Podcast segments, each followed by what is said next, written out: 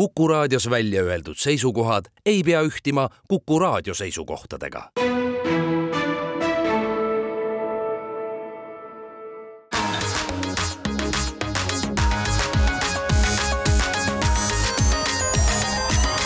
digitund.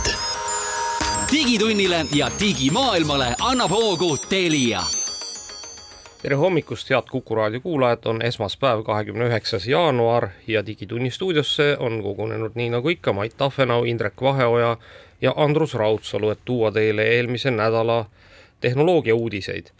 ja saade on meil täna selline, et eh, esimeses pooles räägime siis möödunud nädala uudistest ja teises pooles on meil külalised, kellega me räägime ühest põnevast asjast nimega AIDS kes eh, tahab teada, mis see on, siis eh, kuulake meid lõpuni.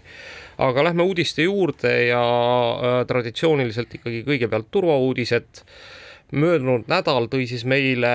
äh, ühe sündmuse, mida on siis hakatud nimetama äh, lühendiga MOAB ehk Mother of all breaches või siis kõikide andmelekete ema ja õnnestus siis leida uurijatel ühest avalikust siis võrguteenusest kaheteistkümne terabaidi suurune siis andmekogum kahekümne kuue miljardi erineva siis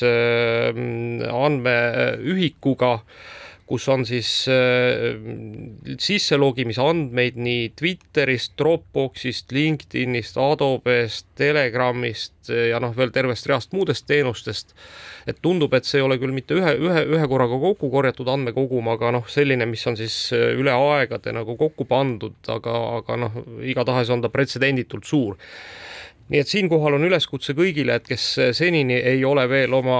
äh, salasõnu vahetanud või on nendesse suhtunud kuidagi äh, nii, et noh, küll nad äh, käivad kah, siis nüüd on see aeg oma salasõnad ette võtta ja ära vahetada ja võtta võib-olla kasutusele ka kaheastmeline autoriseerimine seal, kus see võimalik on. nii kui võimalik, siis ärge pange sinna väikest parooli pange ikkagi nii, et võtke kasvõi parooli hoidla ja las parooli hoidja genereerib teile niisuguse mõnusa pika kakskümmend kuni viiskümmend tähemärki vahemikus oleva sõna, selles on sellest kasu ka midagi jaa, aga, aga lähme siitkohalt eh, edasi ja nüüd siis juba muude uudistega, et eh, Euroopa Liidu Digital Markets Act on jälle toonud meile siis eh, uusi uudiseid ja möödunud nädalal äh, ikkagi noh, mis näitab selle Digital Markets Act'i võimekust, on see, et on ikkagi saanud, saadud küüned või hambad taha ka Apple'ile ja Apple teatas siis möödunud nädalal sellest, et äh,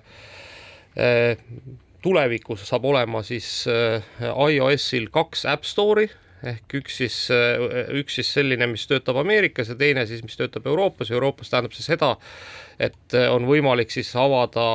iOS-i traditsioonilise App Store'i kõrvale ka teisi App Store'e jah, õige on vist isegi öelda, et ei tulegi mitte üks sinna kõrvale, vaid tuleb sinna nii palju, kui keegi no terve viitsib, rida, jah. jah, nii palju, kui keegi viitsib nüüd toota, et noh, palju neid tegelikult tekib, me ei tea, eks ju, aga noh, selge on see, et ka täna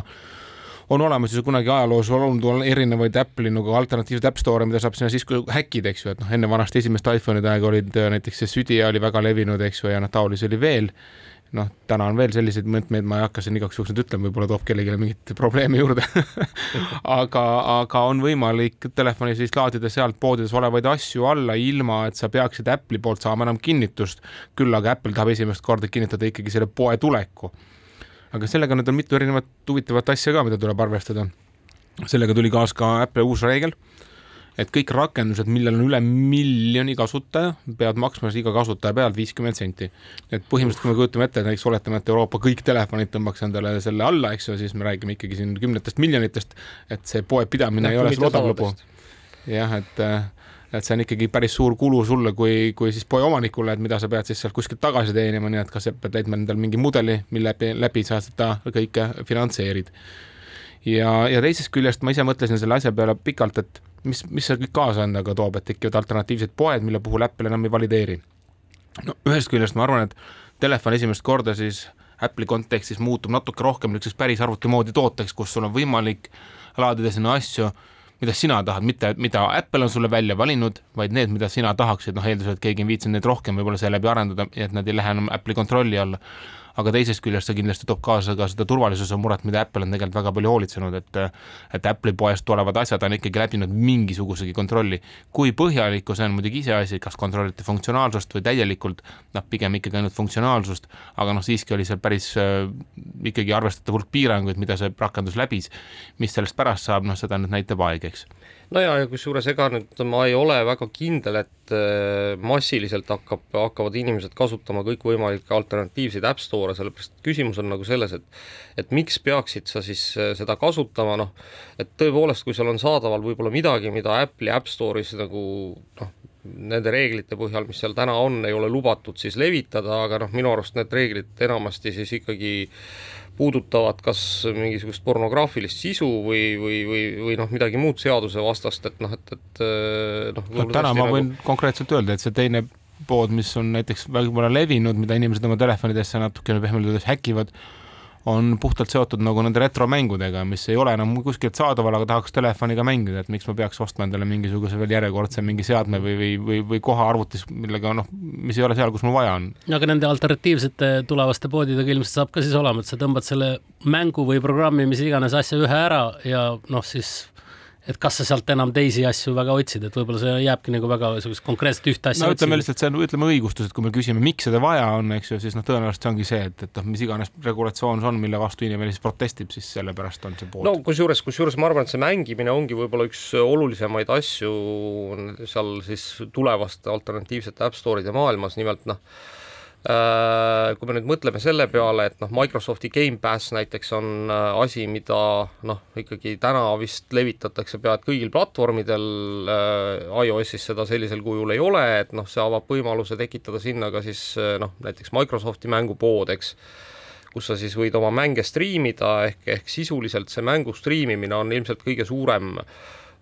siis kasutusjuht üldse nagu nendel alternatiivsetel App Store idel äh, ja noh, ütleme, et äh, siinkohal muuseas on juba teatanud ka siis Epic Games, kes teatavasti on ju käinud Apple'iga ja jätkuvalt käib vist, kuna see tõenäoliselt läheb järgmistesse astmetesse edasi, kohut siis Apple'i tasude osas ja Epic Games on siis teatanud, et niipea kui tekib alternatiivne App Store, siis Fortnite tuleb iOS-i tagasi ja saab siis sealt Epic Games'i App Store'ist seda siis tõmmata aga see puudutab ka muid asju, eks ju, et tegelikult ka nende rakenduste siseste maksmiste ja kõikide muude asjadega, et noh, praegu on olnud Apple'i kasvu endiselt nende asjade pealt ütleme kuni kolmkümmend protsenti, aga ka selles osas tuleb muudatusi ja Spotify on selgelt öelnud, et, et nii kui see nagu viisil või teisel nüüd paremaks läheb, siis neil on juba mingisugune plaan selleks olemas, et Spotify'l on omal, oma lehel pikalt kirjutatud sellest ka lugu. no vot, aga, aga siin, siinkohal siis tuleb olla igaks juhuks siiski nagu mõistlik ja ettevaatlik eh, selles mõttes, et eh, juhul, kui need App Store'id tulevad, siis ärge tõmmake endale kõiki App Store'e, mis olemas on, mõelge ikka, kas teil seda reaalselt vaja on. ja noh, ma arvan, et, et lisaks nendele noh, tõesti mängudele, kus on nagu väga selge noh, järgijaskond või jälgijaskond, eh, need ülejäänud App Store'id, noh, mina julgen küll ennustada, et väga populaarseks ei saa. üks oluline uudis oli veel et äh, kui siiamaani telefoni tõmmates erinevaid brausereid, tegelikult lõpptulemusena oli tal ikkagi sama Apple'i nagu veebi eh, nagu nii-öelda mootor seal kõhus. et, et kõiki lehekülgi renderdati või noh, avati ikkagi samasuguse tehnoloogia kõikide nagu viguritega siis äh, nüüdsest on ka see piirang nagu kadunud, et Apple lubab siis oma seadmetesse kõikidel brauseritootjatel soovi korral kirjutada päris oma mootori. et mõnes mõttes on see olukord, kus tõenäoliselt asi läheb selles mõttes paremaks, et tekib konkurents et see Apple'i enda oma ei ole enam võib-olla noh, kõikides küsimustes kõige efektiivsem, võib-olla keegi teine leiab midagi efektiivsemat, aga noh, teisest küljest, küljest kindlasti on ka risk jällegi natukene näha ka seda aega, kus mingisugused asjad ei tööta väga hästi ühes ja teises nagu brauseris, aga noh, päeva lõpuks see loeb ikkagi see, et, et kes neist kõige populaarsem on, et, et seal pead ikka millegi väga erakordsega hakkama saama, et inimene üldse viitsiks seda veebilehitsejat seal sees vahetama hakata. suur osa inimestest ei, ei hakka seda mitte kunagi tegema, ma arvan. jah, no arvestades ikkagi seda, kui hästi on Apple suutnud vähemalt oma noh, siis iOS-is integreerida veebilehitseja nagu kõikide teiste süsteemi osadega, et noh, sul noh, sa pead ikkagi olema nagu väga suur fänn või peab olema nagu väga põhimõtteline vajadus, miks sa seda teed mina muuseas olin pikka aega Chrome'i kasutaja äh, Apple'i telefonide peal, aga noh, ühel hetkel ka loobusin sellest, sellepärast et äh, ma sain aru, et noh, ikkagi see lisaväärtus oli seal nagu suhteliselt väike, mida sa Chrome'ist said. Noh, ütleme, et küll, küll nüüd võib-olla, mida see, mida see iseenesest endaga kaasa toob, on see, et, et noh, kui Apple nüüd tahab ikkagi Safari nii-öelda seda põhipositsiooni säilitada, on ju, siis, siis noh, võib-olla on ta sunnitud ka Safarit natuke paremaks tuunima, eks, et ta siis suudaks konkureerida näiteks Chrome'iga, on ju. aga noh, mis iseenesest on selles mõttes nagu huvitav niisugune äh, noh, küsimus, et kui Euroopa Liit nüüd on sundinud nagu Apple'it avama, eks, oma äh, telefonid näiteks alternatiivsetele brauseritele, siis tegelikult mida Euroopa Liit ju sellega saavutab, et ta saab, saab ühe veel suurema gatekeeperi, eks Google'ina nagu siis võib-olla sinna asemele, et et sisuliselt noh, võib-olla see, mille vastu on võideldud, et ei oleks kellelgi nagu liiga suur turuosa, et noh, antakse hoopis võimalus Google'ile turuosa suurendada, eks. Kusjuures ma arvan, et peamine põhjus, miks teist veebilehitsejat sa tahad ikka telefoni, on see, et kui sul mujal on teine, eks ju, sa tahad, et bookmark'id ja asjad sünkroniseeruks sul igale poole kaasa, et noh, see on üks peamine ajend aga üks Apple'i uudis veel siia lõigu lõppu, et äh, iOS seitseteist punkt kolm tuli vahepeal välja ja seal üks oluline uuendus, äh, stolen device protection ehk siis varastatud seadme kaitse. et kui teie seade varastatakse ja see setting on peal, siis vähemalt nagu kui seade varastajal oli ka seadme PIN kood, siis ta ei saa minna kohe neid põhiseadeid muutma, teil on tund aega aega, et äh, ise ikkagi avastada ja võimalusel siis oma seade piirata, see on küll päris suur väljakutse tunni aja jooksul leida teine koht, aga või üldse aru saada, et telefon on kadunud, eks aga, aga see on oluline asi ja, ja, ja kellel äh, on soovi teha endale veel täiendavat kaitset, siis minu isiklik soovitus, et pange see screen time limit peale, et ei pea küll enda ajapiiranguid panema, aga saate panna endale ka täiendava koodi veel peale, mida peab teadma, mis ei ole seotud telefoni põhikoodiga, millega saab veel hunniku kaitseid juurde panna. kuulge, aga paar veel Telegrami stiilis Apple'i uudist ka, et esiteks Apple Vision Pro eeltellimused on avatud, eeltellitud on siis Vision Prosid hinnanguliselt kuskil sada kuuskümmend kuni sada kaheksakümmend tuhat, mis siis äh, analüütikute arvates tähendab seda, et Apple'il ei teki sellel aastal probleemi oma poole miljoni Vision Pro mahamüümisega. Äh, ja teine siis äh, oluline uudis, et palju õnne sünnipäevaks möödunud nädalal siis Macintosh äh, ehk see linnupuuri kujuline arvuti, mis tõi meile esimest korda graafilise kasutajaliidese ja ja, ja tegi ikkagi täieliku revolutsiooni selles maailmas, kuidas me arvutit kasutame, sai neljakümne aastaseks. ja siitkohalt on meil põhjus minna reklaamipausile.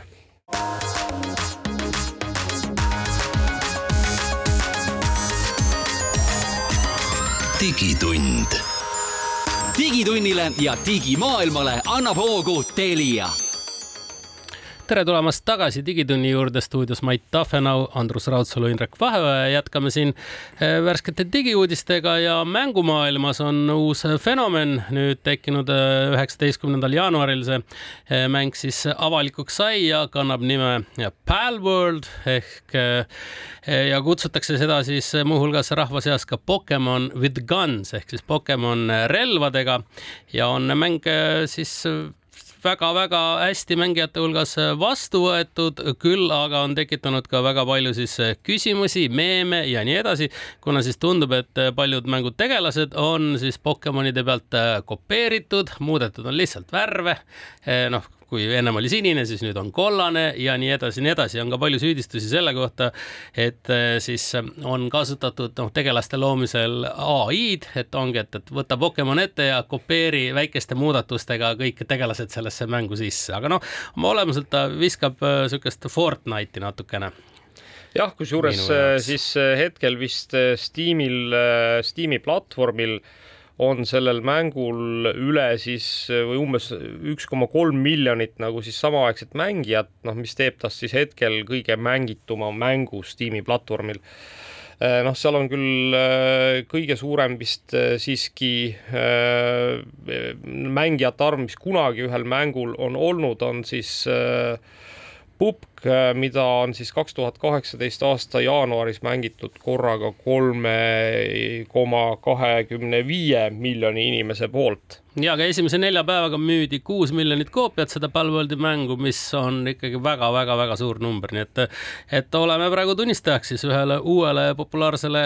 mängule, kas ja kui suureks ta nüüd edasi saab, noh, seda näitab aeg, aga, aga kas sealt tulevad ka mingid äh, kohtuvaidlused äh, seoses äh, nende tegelaste kopeerimisega, vot seda, seda näha ei ole, igatahes Nintendo ei ole veel midagi öelnud selle kohta. kus on raha, seal on näljaseid. ja no eks äh, aeg näitab. ei, kusjuures, kusjuures siiski Nintendo on midagi öelnud, et äh, seal oli üks Youtuber, kes siis üritas seda mängu modida siis panna sinna sisse nagu päris Pokemoni tegelased ja, ja, ja, ja noh, kuidas seda modida saab, tegelikult ei ole veel täna teada, aga noh, kuidagi ta siis üritas seda teha ja tegi sellest ka siis Youtube'i mingisuguse väikese video ja noh, mille peale umbes mõne minuti pärast potsatas talle postkasti kiri Nintendolt. jah, ja see, seda küll, eks aga nende originaalsete tegelaste kohta ei ole Nintendo praegu midagi öelnud, okei okay,, kuulge, aga lähme siit edasi Elon Muskiga, et Elon Musk siis möödunud nädalal äh, huvitaval kombel äh, siis äh, muutus niisuguseks virisejaks, kes on, noh, ta on kogu aeg rääkinud ikkagi sellest, et kas Teslal läheb väga hästi ja nüüd ta on siis teatanud, et et Tesla on ikkagi mures selle tõttu, et Hiinast tulevad äh, odavad elektriautod võivad võtta Tesla turuosa. Ehk siis nende võimsad niisugused ülbed plaanid võtta maailma ja saavutada suurt turuosa ei ole saabunud, eks ju, see on hoidnud kogu aeg nende aktsiad seal kõrgel aga neil oli ka vastus, eks ju, et neil ikkagi on tulemas ka väga odavaid autosid endal turule ja üritavad võistelda nende Hiina toodetega, mis on samuti peamiselt konkurendid hinna ja kvaliteedi suhtega, mis on väga odavad ja samas väga luksuslikud. no seda kahekümne viie tuhande dollarise või eurose auto tulekut on siin lubatud juba pikalt, aga ega ütleme, reaalseid samme ju veel ei ole midagi näha olnud. no aga jumal tänatud, et on turumajandus olemas ja et hiinlased on siis ikkagi hinnad alla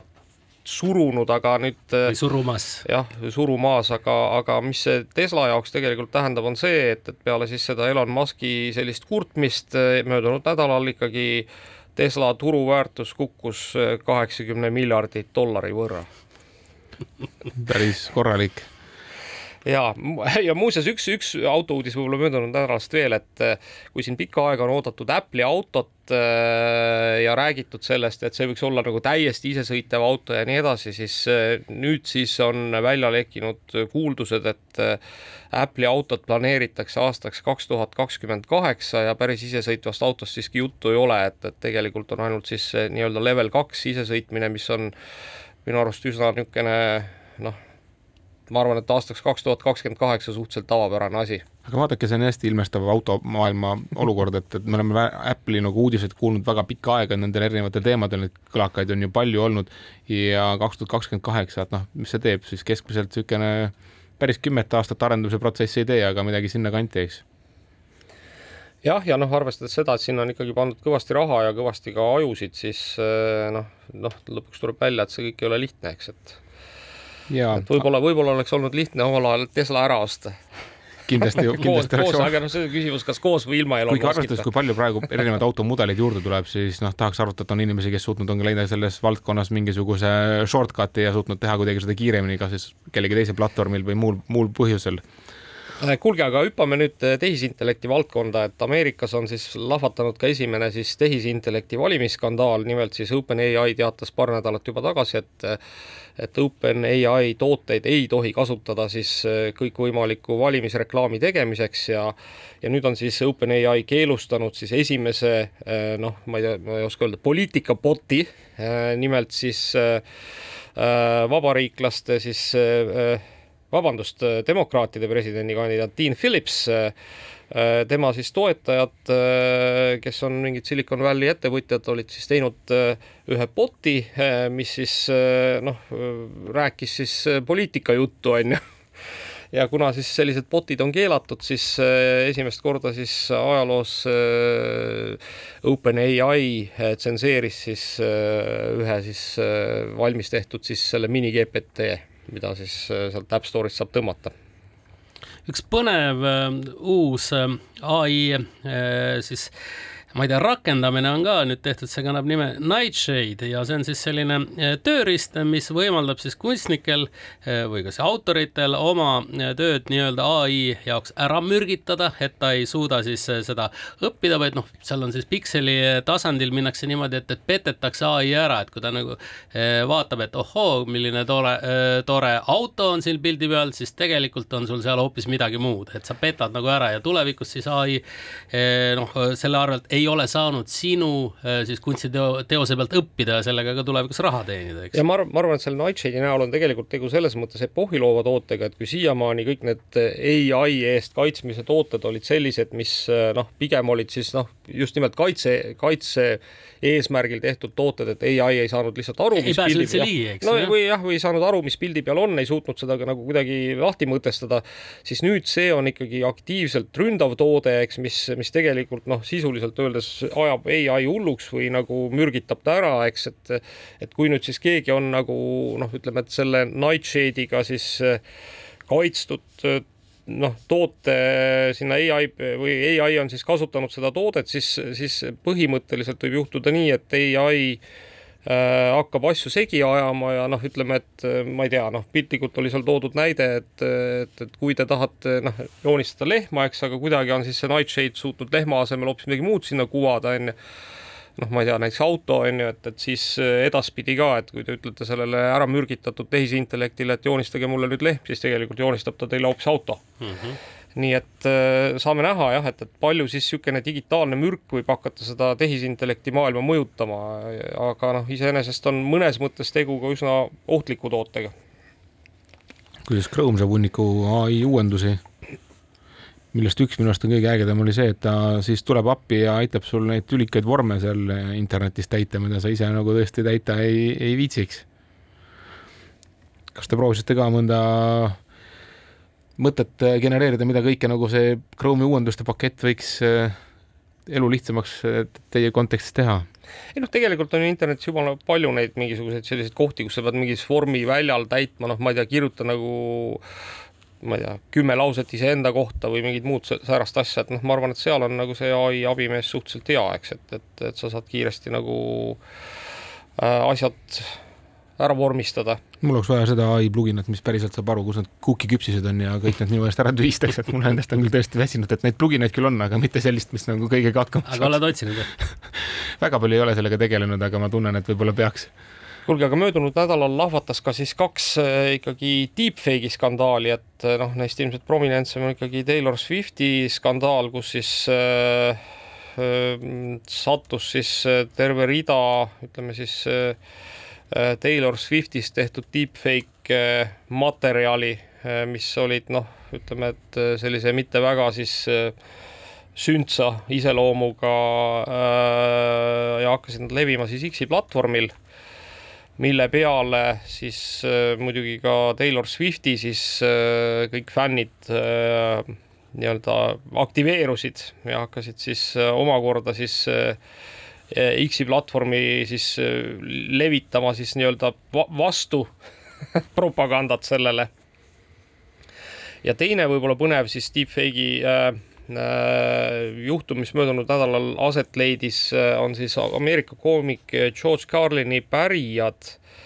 hakkasid võitlema siis ühe sellise tehisintellekti poolt äh, loodud komöödiashow vastu, kus siis komöödiashow nimi muuseas oli päris siis niisugune naljakas, et või noh, ütleme kurb, ma ei oska öelda, et George Carlin I am glad I am dead ehk siis põhimõtteliselt oli siis äh, Äh, lahkunud koomiku osalusel siis äh, tehisintellekti poolt tehtud siis uus komöödiasari, äh, mida siis nüüd tema pärijad üritavad eetrist maha saada. ja noh, see oli päris populaarne, ligi pool miljonit vaatamist, nii et, et jõudis ja levis päris usinalt, aga noh, ongi aga on ainult selles, et sellest koomikust ei ole seal ju selles mõttes originaalset ju mitte midagi, see on, kõik on siis ai genereeritud ja ja no vot seda ohtu on siin ju varemgi öeldud ja kardetud, et noh, et mis siis saama hakkab, eks ju, ja ja ega varem on ka, siin on staarid selle vastu sõna võtnud, et, et kuidas seda kõike nagu kaitsta saaks edaspidi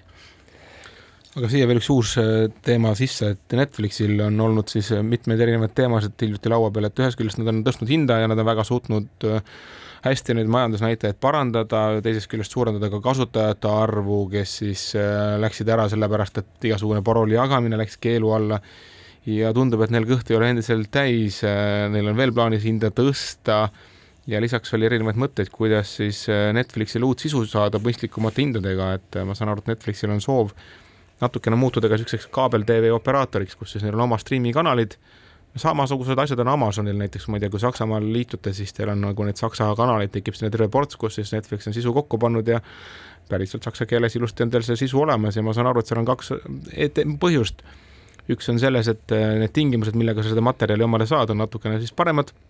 ja teine on see, et ikka inimestele ei meeldi ikkagi ise nagu otsida asju, et neile väga meeldib, kui kuskil nagu mingisugune lint on mängimas, et vähemalt ma isegi tunnen, et teinekord on päris hea valida nende asjade hulgast, mis keegi on juba lindi peale pannud, mitte nagu valida kõige hulgast, et noh, teate küll, kui sa lähed restorani, kus on maailma kõik toidud, siis on väga raske midagi valida, aga kui sa lähed India restorani, siis küll sa juba tead, mida sa tahad. no aga sulle ju soovitatakse, Netflix annab ka ju soovituse sinu seniste vaatamiste põhjal, et näe, Mait, sulle võiks sobida see ja see ja see, et ära neid kokandussaateid vaata, eks ju, aga sihuke moesaated, need on on sinu jaoks. vot seal on see probleem selles, et ta vaatab minu vaatamiste põhjal, aga ma tahaks, et keegi mind üllataks, midagi, mida ma varem, no kust ma tean, et on olemas ka mingi sihuke roog, mida ma pole varem tellinud, eks mm. -hmm. aga nüüd äh, Maidu nagu siis selle Netflixi ahnuse kommentaariks ka mõned numbrid, et äh,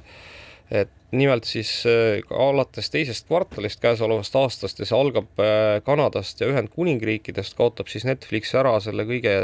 odavama ilma reklaamideta plaani. Ehk äh, hetkel see maksab siis seal kaksteist dollarit kuus noh, ütleme see lihtsalt, äh, miks me sellest räägime, et, et elu on näidanud, et ühel hetkel kõik need initsiatiivid jõuavad lõpuks nagu kõikide riikideni ehk ka meieni, mis tähendab siis seda, et äh, tegelikult vist, mida me oleme ka siin saates juba ennustanud, et inimesi hakatakse suruma kas väga kalli plaani peale või siis tegelikult selle plaani peale, mis võimaldab Netflixil sinna oma show'de vahele reklaami müüa aga no miks see noh, jutt üldse algas, et Netflix selliseks kaabel-TV-ks muutub, on see, et, et just no siin äh, veidi aega tagasi sõlmiti suur leping äh, seoses sellega, et kahe tuhande kahekümne viienda aasta algusest hakkab Netflix Ameerikas näitama siis wrestlingut niimoodi kord nädalas ja see on seal klassikaline selline pay-per-view äh, asi ja, ja kaabeltelevisiooni tihtipeale sellepärast tellitaksegi, et saaks sellist noh, teatraalset sportlikku meelelahutust tellida. ja otseülekandena siis? ja ikka ikka noh, et muidu Netflixi loogika on ju see, et vaata, mis kellaajal ja millal tahad, aga siis on see, et, et lülitad ennast ikkagi esmaspäeva õhtul kell üheksa lainele ja, ja vaatad koos teiste eh, huvilistega siis eh, wrestlingut sealt. ja aga räägime paar eh, siis sellist Telegrami stiilis ka kosmoseuudist nimelt siis Sierra Space äh, katsetas äh, siis esimest korda maa peal täispuhutavat kosmosejaama, see kosmosejaam läks lõhki, aga see oligi eesmärk. ühesõnaga nad, katset, nad, nad katsetasid jah, et, et kui palju siis sinna ikkagi on võimalik seda rõhku sisse lasta, et ennem, ennem kui ta plahvatab. ühesõnaga tegu oli eduka eksperimendiga, aga miks, miks siis täispuhutavat kosmosejaama üldse katsetatakse, on see, et et siis see, seesama siis äh, mudel, mida praegu katsetati, on umbes ühe kolmandiku praeguse rahvusvahelise kosmosejaama suurune ja noh, selleks, et mingi nii suur asi kosmosesse siis üles lasta, noh, tüüpiliselt võtaks see nagu kümneid ja kümneid kordi aega, et seda materjali siis äh, erinevate rakettidega sinna kosmosesse saata. aga nüüd seesama täispuhutav kosmosejaam siis mahub umbes sellisesse Äh, noh, ühe raketi siis äh, sinna sellesse pagasiruumi ja jääb veel isegi ruumi natuke üle, nii et, äh, nii et noh, ütleme, et saame varsti näha siis kosmoses ka tõesti niisuguseid ägedaid siis täispuutavaid asju. teine tore kosmoseuudis, mis mulle silma jäi, on see, et praegu siis rahvusvahelises kosmosejaamas on erinevate riikide esindajad, kes seal siis teevad erinevaid teste, noh, vastavalt siis sellele, mis nende kosmoseagentuurid on neile ülesandeks pannud ja siis muuhulgas on seal ka Itaalia astronaudid, kes siis katsetavad seda ikkagi, et kuidas kosmoses äh, maitseb siis. Äh, aga läheme siitkohalt nüüd reklaamipausile.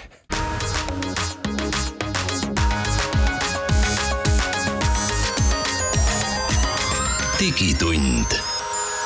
digitunnile ja digimaailmale annab hoogu Telia äh, tere päevast nüüd siis uuesti siit Digitunni stuudiost ja nüüd on meile saabunud siia ka külalised, lisaks Mait Tahvenaule, Indrek Vaheojale ja Andrus Raudsalule ja meil on siis külas Jaan Heinso, äh, küberneetika küberturvalisuse osakonna müügi- ja partnersuhete juht, tere, tere.! Äh, Georg-Martin Len-, Lanno Merelahe Tervisekeskusest. Äh, ja Kristjan Aljas, kes on juba meil selline noh, peaaegu et siin Digitunni püsikülastaja Teliast ja räägime sellest, et mis asi on e-its, AIDS. no nii ja, et eelmise aasta jaanuaris jõustuski siis Riigi Infosüsteemi Ameti poolt koostöös Cyberneticaga välja töötatud selline Eesti infoturbe standard ehk siis seesama EITS, et mis vahetas välja senise Eesti infoturbesüsteemi ISKE see iske kehtis juba kakskümmend aastat ja oli oma rakendusjuhenditega lõpuks ka väga mahukas, et kui me võrdleme, et et paljud arvavad, et e-ITS on väga mahukas oma viiesaja leheküljega, siis kahekümne aasta jooksul oli rakendusjuhendeid tehtud nii palju, et iske oli juba viis tuhat lehekülge aga siit on kohe esimene kontrollküsimus, ma tean, paljud küsivad, et miks meil seda EITS-i vaja üldse on, et, et kas me siis muidu ei ole turvalised või, või, või mis selle mõte on? no mõte ongi jah selles, et kui see digimaailm on nii palju edasi arenenud ja andmete kasutamine, küberohud ja riskid on nii palju edasi arenenud, siis oligi vaja, vaja välja töötada selline infoturbestandard, mis on mõeldud kasutamiseks laia, laiemale sihtgrupile ja noh, tänapäeval on see, andmed on täiesti noh, kriitilise tähtsusega, et me sõltume nendest igal hetkel, nagu, nagu öeldakse, et andmed on uus nafta. et äh, oluline on, et ettevõte töötaks ja andmed liiguks, aga samas, et info sealjuures ei lekiks kusagile. andmed oleks noh, ühest küljest ligipääsetavad täpselt õigetele inimestele ja õigetele seadmetele, aga siis sa pead olema kindel, et valed inimesed ei pääse nendele ligi kunagi, et mida nad ei pea nägema, siis seda nad ka ei näe noh, siin me ei räägi ainult küberkurjategijatest, vaid me räägime ka sellest, et igasuguseid äpardusi andmetega on väga oluline ka ennetada eks võib-olla küsiks teisipidi, et, et mis viisil see nagu EITS võib-olla täna siis üldsegi nagu meid aitab, et kas see on siis kohustus, soovitus, mis selle nagu dokumendi siis see teine pool on? No ühest küljest see on mõnedele on see kohustus, et eh, mõned ettevõtted peavad olema isegi noh, auditeerima ennast eh, selle vastu, et teatud liiki nagu näiteks tervise- ja perearstikeskused, et eh, kes käsitlevad inimeste terviseandmeid, nad peavad läbima infoturbe auditi ja tõestama, et nende infosüsteemid, mille toel nad oma teenuseid pakuvad, on turvalised. Et noh, andmete kaitsel ongi inimfaktor on näiteks kõige olulisem et kuigi me võime tehnilisi lahendusi kindlasti ellu viia, mis on väga vajalikud ja olulised, siis ainuüksi nendest äh, andmete kaitsmisel kindlasti ei piisa. ja noh, infoturbemeetmeid ongi erinevaid ja see AIDS, ütleme nii, et äh, aitab kasuta, asutuse käes olevaid äh, andmeid kaitsta võimalikult kõikehõlmavalt kas sa saaksid mõned näited ka tuua, mis seal siis HEITS-is nagu reglementeeritakse üldse, kas see siis kehtestab pehmelt öeldes paremad paroolid või seal on ka mingit niisugust, et kuidas üldse kasutada, mismoodi kasutaja peab üldse süsteemi nagu käitama, et, et oleks kõik protseduurireeglid hästi, sest me teame kõik, et see kasutaja on kõige suurem lüli asja ja turvalisuse vahel. Jah, nii ühte kui teist, et kuidas ta nagu erinebki tegelikult sellest iskest, siis erinevus on eelkõige selles, et nüüd AIDS-is on selline riskipõhine lähenemine, ennem oli nii-öelda etanonturve, et see on niisugune huvitav sõna selline, igaüks võib-olla ei ole seda kuulnud, et äh, aga sa võisid lähtuda teatud etalonist, teatud standardist, aga nüüd sa lähtud oma äriprotsessidest, oma enda ettevõtte või asutuse konkreetselt spetsiifikast ja nendest riskidest. ehk siis sa, selle, seesama AIDS on sulle väga heaks tööriistaks, et kõigepealt tekitada endale selline olukorra teadlikkus sa vaatad kõik oma protsessid üle, sa lähtud eelkõige äriprotsessidest ja siis sa saad riskipõhise lähenemisega endale sellise, luuagi sellise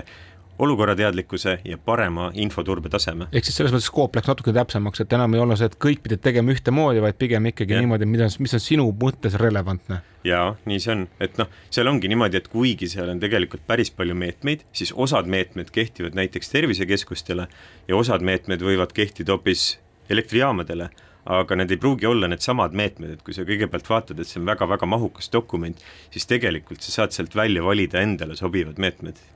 okei okay ühesõnaga, ühesõnaga tegelikult on nii, et kui sa oled nagu ettevõtte juht või IT-juht, siis sa võtad selle viiesaja leheküljelise dokumendi, teed noh, tutvud sellega, eks valid sealt välja endale sobivad äh, lõigud või, või peatükid ja siis rakendad need ja võidki olla kindel, et äh, sa oled enam-vähem äh, kaitstud no eest. nii ja naa, eks ole, et sa võid olla siis kindel, kui sa oled loonud endale selle organisatsiooni, kus on see infoturbekultuur, et noh, tegelikult igaüks ettevõttes peab tegelema selle infoturbega. et noh, mõnikord mõeldaksegi, et äh, IT-juht tegeleb sellega ja siis ongi, äh, kuna me oleme sinna kõik need tehnilised lah-, lah-, lahendused võib-olla teinud, võib-olla ei ole ka teinud, aga me arvame, et me oleme noh, täiesti küberturvalised. tegelikult igaüks ettevõttes, kõik töötajad peavad sellest Äh, infoturbekultuurist olema teadlikud ja kaitsma seda infot aga mis on mõni näide ka nendest näidetest kõikidest, mis seal kokku on korjatud, et, et mida konkreetselt näiteks äh, seal soovitatakse teha, kas seal on nagu väga häid soovitusi, kuidas seda teha või see on ikkagi pigem selline, et me nõuame, et niisugune piir oleks, aga sa pead ise leidma need vahendid? Äh, sa saadki valida seal, et sul on võimalik validagi endale esiteks oma vahenditest, oma võimalustest ja oma äriprotsessidest nagu sellised lähtuvad meetmed nagu öeldud, et need võivad olla kas siis konkreetsed sellised standardlahendused või riskipõhised, kui sa oled oma riskid ära kaardistanud. aga noh, see aitabki sul kõigepealt, see aitab sul aru saada, see kaardistada oma, oma ettevõtte sellise küberturbe olukorra noh, siis tekitada endale see plaan, et kuidas seda olukorda parandada ja kaitsta ja siis aitab see tegelikult noh, just nimelt süsteemseks äh, minna selle äh, infoturbega, et kuidas, kuidas e-ITS nagu konkreetselt aitab, ongi see, et et ta aitab sul läheneda äh, infoturbele süsteemselt, et jah okei okay., aga liigume võib-olla ühe sammu nagu edasi, et võtame korraks nüüd ühe siis tervisekeskuse äh, et äh, Georg, Georg Martin, sina aita võib-olla meil siis näha seda teist külge nüüd sellest maailmast, et äh, kuskilt kehtestati meil uued standardid, ootused, te peate neid kuidagi nüüd ka nagu täitma ja ma saan aru, et teie olete ka niisugust tüüpi asutus, kelle puhul see ei ole mitte lihtsalt soovitus, vaid lausa kohustus seda standardit järgida, et, et kui te selle standardi esimene kord kätte saite, kuidas teile see tundus? jah, tere ka minu poolt. tõesti, siin AIDS-ist oli juttu, AIDS meile on kohustuslik ja meie saime sellest äh, teada tegelikult äh, märgukirjaga äh, Riia poolt, kes kirjutas meile, et meid on kaasatud järelevalvemenetlusse ja nad sooviksid siis aru, teada, et, et kas me oleme juba selle EITS-i endale juurutanud või mitte, et tegelikult see jõustus seadusena, küberturvalisuse seadusena ja seal siis sisalduv EITS kahe tuhande kahekümne kolmandast aastast. ja, ja see järelevalvemenetlus jõudis meieni siis äh, aasta teises pooles septembrikuus. põhimõtteliselt seadus jõustus ja te saite teada sellest, et te peate seda rakendama pigem sellest, kui tuldi teid kontrollima, mitte kui tegelikult teada, et, et noh, rääkimata sellest, et selle juurutamine võtab aega, eks. just, just, et, et meil see selgus kontrolli käigus ja ütleme, eks see oli päris sihuke huvitav kogemus, et oleks eeldanud, et et saame varem infot, et mis meid ees ootab, kui palju me peame sinna aega kulutama, mis me üldse peame tegema aga, aga tuli nagu teiselt poolt, et alustasime sealt äh, kohe järelevalvest. aga sellegipoolest, äh, kuna ta on meile kohustuslik, siis me võtsime seisukoha, et, et ega me ei pääse, me peame need asjad korda tegema ja hakkasime ennast kurssi viima selle teemaga, et mis see AIDS meie jaoks tähendab. ja ma ise olen päris palju koolitustel nüüd osalenud ja üsna palju targemaks saanud, et mis see siis päriselt tähendab. no siin oli juttu viiesajast leheküljest, noh, mina olen kuskil töögrupis näinud äh, Exceli tabeleid, üks on Riia lehelt äh, leitav, kus on, kui ma ei eksi, siis ligi kaks tuhat rida, kus sa siis kaardistadki need põhi- ja standardmeetmed ja iga rida siis hõlmab endas mingeid erinevaid lõike, et, et kus sa peadki siis vaatama, et kas see kohaldub sinule või mitte. ja, ja noh, ma olen ka üritanud Äh, suhelda siis IT-spetsialistidega, küsida, et, et meil oleks tegelikult abi vaja, kuna me arvame, et me võime küll ise sellega hakkama saada, et kas see on nagu mõistlik aja kulutamine ja, ja ressursi, inimressursi kulutamine. äh, siis, äh, siis nad on öelnud, et, et noh, ütleme niisuguse spetsialisti jaoks on ikkagi mitusada tundi tööd. Et, et selgeks teha, kuidas teie ettevõttes need asjad on ja kuidas neid asju parandada. ja noh, praegu me räägime ainult sellest AIDS-ist kui, kui siis kordategemisest, aga tegelikult see on protsess, et see kogu aeg muutub, see AIDS muutub ja, ja sa pead nagu nende muutustega kursis olema.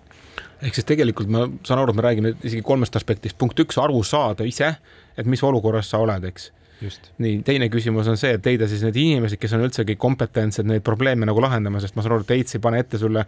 eh, kuidas sa pead tegema, vaid ikkagi sellest, mida sa pead tegema ja lahendused, kuidas teha, pead sa suutma ka ise nagu välja töötada ja pluss siis kolmas faas et sa pead seda suutma ka siis nagu e-, käivitada nii-öelda, et leidma need inimesed, kes siis päriselt need sammud ära teevad, mis siis planeeriti. Just, et, et need on need kolm etappi ja, ja noh, nagu siin oli ka juttu eelnevalt, see audit, mis on ka seaduslikult meile kohustuseks, ehk siis kui me oleme need asjad kõik äh, korda teinud äh, või, või läbi töötanud, et siis meil on ka kohustus tellida iseendale audit, et, et me oleksime kindlad, et need kõige tähtsamad andmed tervisekeskuse jaoks, need terviseandmed on kaitstud ja et ka meie töötajad teaksid, mis nad teeks ja mida siis vältida. On veel niisugune paar kontrollküsimust, et noh, tihtipeale ettevõte ja tehnoloogia tiim siis vastutab erinevate asjade eest, üks on sinu arvutipark, noh, sellega enam-vähem kõik saavad aru, peab olema kaitstud viisil või teisel, eks ju aga sellest keerulisem osa minu arust on need teenused, mida sa ise nagu ei halda võib-olla, aga mida sa ostad nagu sisse. ja noh, kolmas on see, kui sa ise midagi arendad, et, et, et kuidas nende asjadega nüüd on, et noh, need on, need on igalühel ju oma nägu ja eriti partnerite teenuste puhul nagu ka ma arvan, teie puhul on, et ise ju ei ole arendanud, aga samas justkui nagu teie mure on, et seal olevad andmed on ju teie kontrolli ja vastutuse all, et, et, et mis te siis sellises olukorras? Eks see ongi päris kompleksne, et tegelikult jah, kui võtta näiteks noh, kõige lihtsam näide, et kui meil on patsient, kes tuleb meie keskusesse, teeb EKG äh, või talle tehakse EKG, siis äh, tänapäeval see liigub automaatselt äh, tervishoiupildi panka, mis on riiklikult hallatav süsteem, see liigub läbi tarkvara, mis on siis meile sisse ostetud mingi ettevõtte poolt ja siis omakorda need andmed on veel meie enda programmis, mis on teine-kolmas osapool. et, et neid etappe on hästi palju ja, ja ütleme, et siis selleks meil ongi vaja pädevat partnerit, kes aitab meil kõik seda kaardistada ja auditeerida, et, et kas need andmed on sealt turvaliselt või mitte, kas see liikumine on turvaline või mitte. selge, aga teeme siitkohalt väikse reklaamipausi ja tuleme peagi tagasi.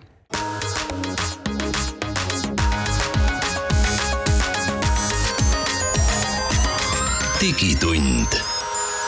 digitunnile ja digimaailmale annab hoogu Telia lahkame Digitunni stuudios nüüd jätkuvalt siin koos Jaan Heinsoo, äh, Georg Martin Lanno ja Kristjan Valjasega EITS-i äh, ehk siis äh, seda äh, raamistikku, mis täna Eesti ettevõtteid võimaldab olla turvalisemad ja oma andmeid turvalisemalt käidelda ja Georg Martin rääkis just sellest, et kuidas nad siis Merelahe tervisekeskuses nii-öelda rakendasid EITS-i, et mul on, mul on hoopis praktilisemad küsimused, et et ütle, kui te noh, saite teada, et te peate EITS-i rakendama ja noh, tõenäoliselt hakkasite oma süsteemidele peale vaatama, et et mis see olukord oli, et, et kui palju oli nagu selliseid kohti, kus äh, tegelikult vajasid asjad parandamist, muutmist või, või, või suisa teistmoodi tegemist? jah, no ütleme äh, perearstikeskused, tervisekeskused, et eks äh, nendel on erinevad lähenemised olnud, aga ütleme, et see olukord ei ole üldse nii hull, kui siit võib-olla võib kõlada. et, et seaduslikult meil oli äh, Tervisekassaga leping, kus oli kirjas äh,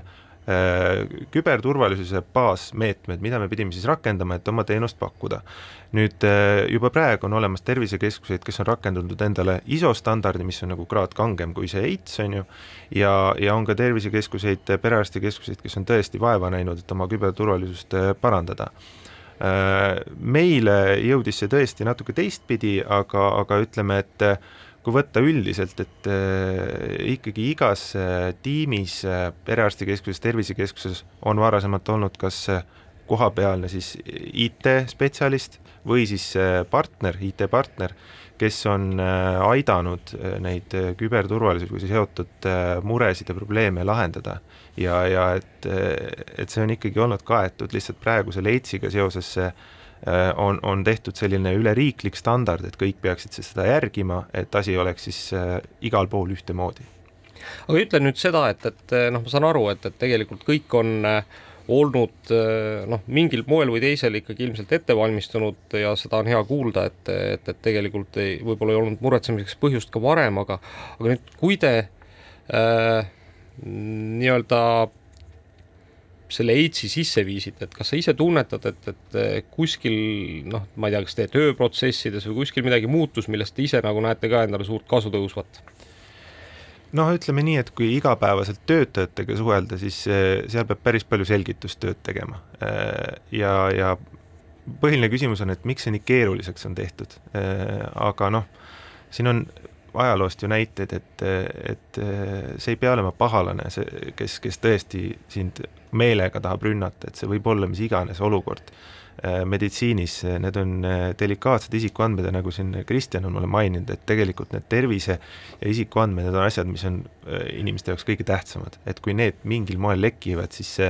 vähemalt see standardi juurutamine aitab seda minimaliseerida. aga noh, inimfaktor on, on see, millega me peame kogu aeg vaeva nägema ja, ja üks osa sellest AIDS-ist on ka siis see koolitusplaani sisseviimine, et tegelikult sul on kohustus oma töötajaid kursis hoida nende ohtudega, mis neid arvutites võivad, võivad või mis neil võib seal arvutites olla see on see tavaline dilemma, eks ju, et ma olen nagu arst, eks ju, et las ma nüüd arstin ja, ja teie tegelege selle IT-tehnoloogiaga seal taustal, eks ju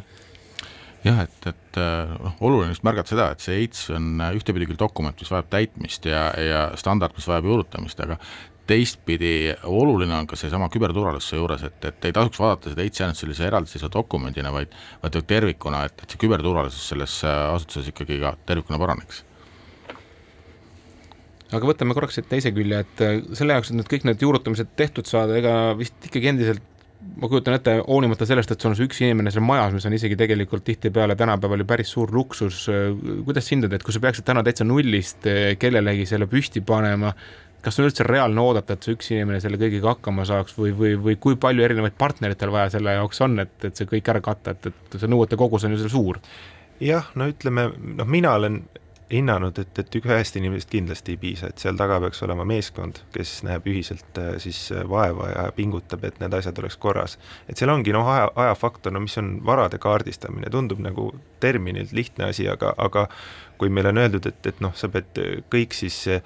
arvutid, hiired, monitorid, ma ei tea, isegi paberhuntid pead, pead siis kaardistama, vaatama, mis nendega ohud võivad olla, et noh, minu meelest kõige jaburam oli isiklikult oli see, et, et kui sul on paberhunt kuskil toanurgas, et siis tegelikult sul peab olema mingi dokument äh, äh, jäätmekäitluse seisukohast, ehk siis sa pead nagu konkreetselt paika panema, et kuidas neid paberilipikuid siis, äh, kes kuhu viib, kuidas viib, mis ajal viib, et keegi inimene ei saaks neid sealt välja korjata ja siis kokku kleepida ja sealt siis isikuandmeid kätte saada, on ju nojah, või näiteks see, et see paberihunt ei oleks tulnud Hiinast kuskilt. Eh, skaneerib samal ajal. ja, ei omaks seal ennem, ennem seda hundi mootorit ka väikest skaneerimismootorit on ju, mis siis kuhugi Hiina serverisse raporteerib on ju. ja nende Hiina asjadega meil oli ka üks naljakas olukord, et jutt oli valvekaameratest ja siis, siis meilt küsiti, et aga kuidas te teate või noh, valvekaamerate seadistus on ju. et, et jällegi eh, see järelevalveametnik ütles, aga tegelikult valvekaameratesse võib olla sisse seadistatud nii, et nad, nad nagu meelega jagavadki sinna Hiina serverisse kõik kõik seda pilti ja, ja, ja see ongi nagu nende funktsioon. aga noh, siis, siis partneriga me hakkasime vestlema ja partner ütles, et aga noh, et isegi PPA kasutab seda, et, et võtke rahulikult, aga see ongi minu arust see kõige suurem dilemma, eks, et sul igas mehaanikas on sees omakorda nii palju komponente ja sa ei jõua seda teada ja kaamera ja kaamera on kaks erinevat asja, eks ju, ja, ja päeva lõpuks ikkagi nagu omada ise ekspertiisi niisugustes küsimustes, no see ei ole reaalne, eks ju aga võib-olla võtame korra selle partnerite vaatenurga korraks laua peale, et, et noh, ma saan aru, et on ka asutusi, kes on spetsialiseerunud lausa sellele, et aidata nagu kiiresti, efektiivselt seda siis nõuet äh, täita. sina, Kristjan, oskad sellest kindlasti palju rääkida? jaa, me panime siin nüüd siis Telia ja Küberneetika panid omavahel seljad kokku ja mõtlesid, et äh, aitame siis äh, tervisekeskustel selle tekkinud nii-öelda probleemi lahendada, et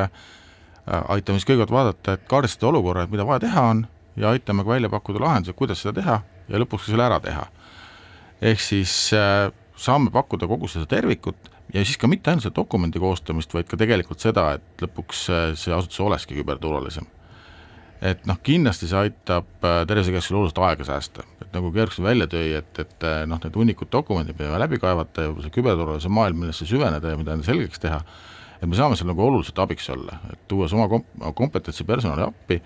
siis äh, meditsiiniasutus ise ei pea nüüd nii palju enam panustama sellesse, et, äh, et see küberturvalisus tuleks ja see dokument tekiks. kuigi jah, tegemist on koostööga, et kindlasti ei, ei juhtu see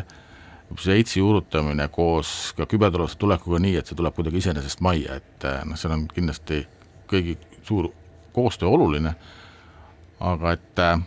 saame seda teha, muuta palju lihtsamaks, palju kiiremaks ja palju läbipaistvamaks eks minu arust on see nüüd kolm olulist poolt jällegi, et esimene asi on kindlasti selles, et eh, kui teie, kes te olete seda juba mitu korda juurutanud, lähete järgmise juurde, siis noh, ei pea hakkama uuesti raamatut lugema ja asja selgeks tegema, et see õppimise protsess jääb kõrvale. pigem vastupidi, te olete kogemused saanud ja te olete ka mingid vitsad võib-olla saanud, et nii ikkagi ei saa seda lahendada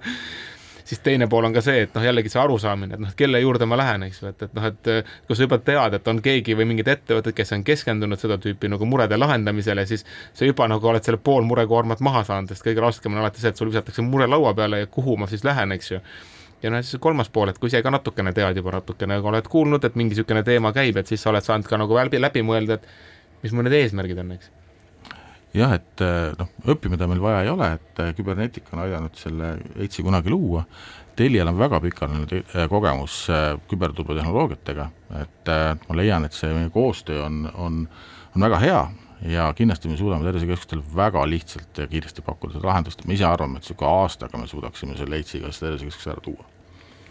Ja täpselt, et Cybernetica on selle koostamise juures olnud koos Riigi Infosüsteemi Ametiga ja noh, praegu ongi, et meil on ettevõte on teaduspõhine, ettevõte on, on loonud nii EITS-i kui ka sellise äh, meetodi, et kuidas seda rakendada. Ja eriti veel hetkel me oleme spetsiaalselt välja töötanud tervisekeskustele, et tervisekeskus ei peaks lugema näiteks seda elektrijaamale mõeldud äh, osa sellest EITS-ist aga väga vahva, igal juhul suured tänud ja usun, et meie kuulajatel on ka tänu sellele natukene kergem selliseid standardeid juurutada. Ja olete te tervisekeskus või mingi muu asutus, siis vähemalt te teate, et dokumendid on olemas ja, ja ka abi on olemas. Ja kuulajatega kohtume jälle nädala pärast.